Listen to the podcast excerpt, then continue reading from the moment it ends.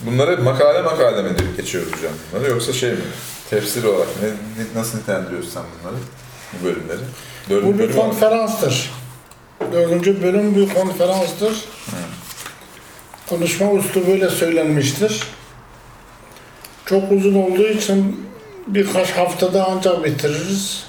O zaman böyle böyle gideceğiz. Böyle böyle gideceğiz. Fakat bu konferans aynı zamanda bu kitabın bir nevi tamamlayıcı özeti gibidir. O yüzden çok önemli bir noktaya Önemli nokta, çok Parmak önemli bir açılımdır. Arkadaşlar, Kur'an, Hadis ve Risale-i Nur'da Risa- e, Kader ve İrade kitabını okumaya devam ediyoruz.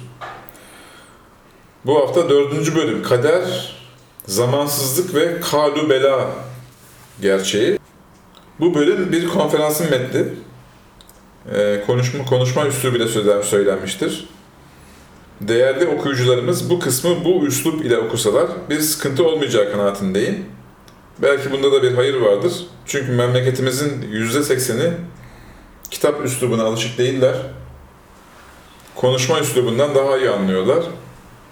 Mesela ilmi bir kitap bin adet satmazken bir vaiz kaseti milyon dinleyici bulabiliyor diye hoş da bir dipnotumuz var hocam burada.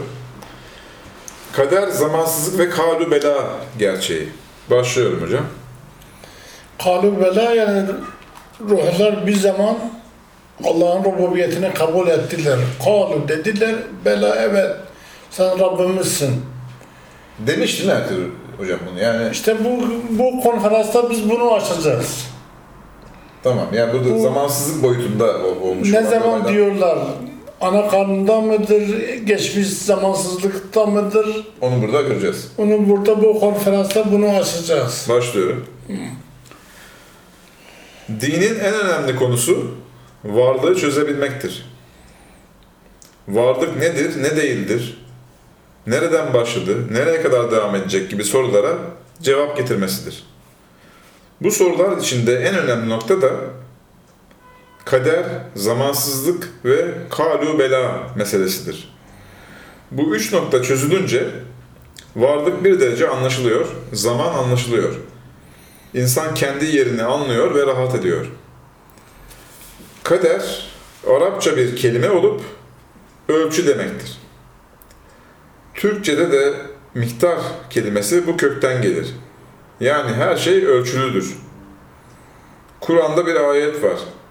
Külli şeyin bir kader. Yani her şey, her olay ölçülüdür. Ölçüsüz hiçbir olay, hiçbir nesne yoktur. Belki sorabilirsiniz, bu dağlardaki engebeler, dikenler, taşlar nedir diye. Diken bizim için hoş bir şey değil. Ama onlardaki ölçü hiçbir şeyde yok. O kayaların, derelerin, dağların, taşların hepsinin geometrik ve dijital yani matematiksel ölçüleri vardır. Onların böyle biçimsiz görüntüleri sanki ölçüsüzmüş gibi Değil tam aksi. Ölçünün biraz daha fazla yoğun olması Dan kaynaklanıyor. kaynaklanıyor. Matematikle, matematikle ölçemeyeceğimiz, izah edemeyeceğimiz hiçbir varlık ve olay yoktur. Her olay e, fizik ilminin konusu olabilir. Her olay kimya ilminin konusu olabilir. Her olay özellikle geometri ilminin konusu olabilir. Geometri, olayların, hadiselerin, nesnelerin biçimlerini, ölçülerini kurala bağlayan bir ilimdir. Eğer bir ilim işi kurala bağlayamıyorsa o ilim ilim değildir. Doğru. İlim demek fen demek, kurallı saha demektir. Belirli bir sahayı taramış, binlerce yerden bilgi toplamışsın, hepsinin ortak noktasını bulmuşsun, kanun bulmuşsun, diyorsun ki bu işin kanunu, kuralı budur. İşte buna biz ilim diyoruz. Kanun ve kural ölçü ve düzen demektir. Dolayısıyla insan, özellikle müminler, aslında herkes için geçerli fakat özellikle müminler, kainatı karışık, anlamsız, düzensiz, verimsiz görmemeli. Ki öyle değil zaten. Ben Müslümanlara şaşıyorum. Nasıl böyle bedbin olurlar? Bed, Farsça'da kötü demektir. İngilizce'de de var ya, nasılsın diye soruyor, not bad diyor, kötü değil. Aynı dil grubuna ait olduğu Öyle. için Farsça, İngilizce kökenleri bir. Bin ise gören demektir. Yani kötü gören. Bedbinin anlamı kötü gören, kötü görüş. Evet, iman demek her şey güzel demektir. Her şey kanun demektir. Her şey kural demektir. Din demek kural demektir, ölçü demektir. Bununla beraber insan bir de fen okumuşsa, fizik, kimya okumuşsa, üniversite mezunu olmuşsa, ondan sonra halen o insanın kainatta kaos var, kargaşa var deme hakkı yoktur. Kaos sadece bir kavramdır. Düzenin anlaşılması için Cenab-ı Hakk'ın yarattığı bir kanundur. Geçici bir süre oluyor bazen. Mesela hastalık. Niçin hastalanan insan? İnsan sıhhat ve sağlığın kıymetini, nimetini, şükrünü bilmesi için geçici bir süre hastalanır. Hastalık asıl değildir. Asıl olan sağlıktır, düzendir, hayattır. Her şeyin ölçülü olduğunu hem bilim hem ayetler gösteriyor bize. Özellikle geometri ilmi baştan sona kadar ciltlerce kitap bu meselenin etrafını örüyor. Ama geometri bilmeyen bir insan sorabilir. Dağdaki kayaların, tepelerin ölçülebilir tarafı var mı? Bir ucu sivri, bir ucu yamuk, bir ucu derin. Düzen bunun neresinde? Oradaki düzen çok daha komplike olduğu için biz kuşatamıyoruz. Mesela bir fabrikanın içine girdiğimiz zaman eğer mühendis değilsek oradaki düzeni ilk başta göremeyebiliriz. Karma karışık çarklar, karma karışık dolaplar, teller döner. İnsan rahatsız olur. Fakat mühendis gözüyle o fabrikaya bakabilirsek ne kadar müthiş bir düzen olduğunu o zaman anlarız. Yani bugün bir kürenin geometrisini çizmek, bir karenin geometrisini çizmek kolaydır. Ama bir kayanın geometrisini çıkartmak doktora tezidir. Orada da geometrik bir kural ve kanun var. Fakat çok daha derin, yoğun ve yüksek olduğu için biz onu göremiyoruz. İnsan kırsal kesimlerde, dağda daha çok rahat eder. Şehirde biraz huzursuz olur. Çünkü şehir düzeni tam doğal bir düzen değildir. Asıl doğal düzen, yüksek düzen, kırsal hayattaki düzendir. Oradaki düzen daha komplike, daha canlı, daha aktif ve insanı daha çok rahatlatıcıdır. Yani bazı insanlar kırsal kesimden şehre gelince mutlu olduk sanmasınlar. Asıl mutluluk fıtrat içinde, tabiat içindedir.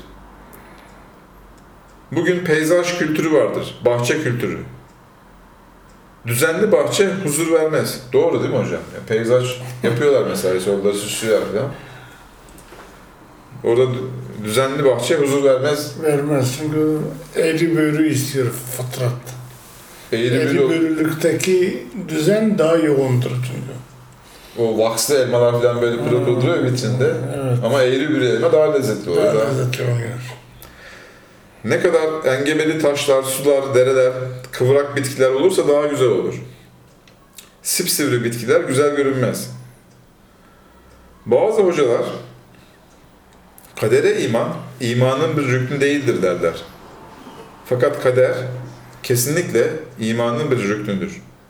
Kur'an'ın yüzlerce ayetinde geçiyor. İmanın altı rüknüne işaret eden Amener Resulü ayeti de birinci kısımda imanın beş rüknünü izah ediyor.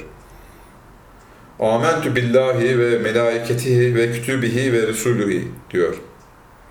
Kadere iman daha uzun ve müstakil bir ayette anlatılmış. Yani kader çok daha komplikedir. İmanın son rüknüdür, önemsiz bir meseledir deyip geçmeyin. Kader çok daha önemlidir. Ve insan kaderi anladığı zaman gerçekten Allah'a inanmış oluyor meleklerin varlığını bilmiş oluyor, kitapların nasıl geldiğini anlıyor, vahyin nasıl geldiğini anlıyor, peygamberliğin nasıl bir görev, bir düzen içinde gönderildiğini anlıyor. Kader çok önemli bir meseledir. Sona bırakılmasının esprisi şudur. Kaderi herkes, sıradan bir insan, köylü, bedevi anlayamaz. Peygambere bir bedevi gelmiş. İmanın rükünleri nelerdir demiş. Peygamber beşini saymış. Kaderi anlatmamış. Çünkü bedevinin kaderi, düzeni anlayacak bir kafası yoktu. Asıl kadere iman, soyut değerleri bilen, sonsuzluğu anlayan, musibetleri rahmet diye algılayabilen bir kafa işidir. Önemli bir meseledir ama herkese de nasip olmuyor. Yani kaderi bildiğiniz zaman, kadere göre yaşadığınız zaman, kadere ayak uydurduğunuz zaman veli olmasanız bile bir nevi velayet mertebesini insan elde ediyor. Kadere iman, imanın zirvesidir. İmanın zirvesi de velayet demektir. Veli Allah'a yaklaşmış kişidir. Yani sen Allah'a inanmışsın, peygamberlere inanmışsın, meleklere inanmışsın, hepsini çözmüşsün, kendine mal etmişsin. En son kaderi de çözmüş, kadere göre yaşıyorsun ve kadere teslim olmuşsun. Allah'a yaklaşmışsın demektir. Allah'a yaklaşmış olan insan da veli demektir. Kadere iman, imanın diğer rükünlerini de beraberinde getirir. Diye bu bölüme bir giriş yaptık hocam. Evet, yani bu bir nevi kitabın özeti bu konferans. İnşallah haftaya devam ederiz. Tamam hocam. Kalu belaya geçeriz. Arkadaşlar bu hafta kader, zamansızlık ve kalubela gerçeği bölümünün eee, bölümüne bir giriş yaptık. Haftaya aynı eee konferansına devam edeceğiz. İzledi- İzlediğiniz için teşekkür ederiz.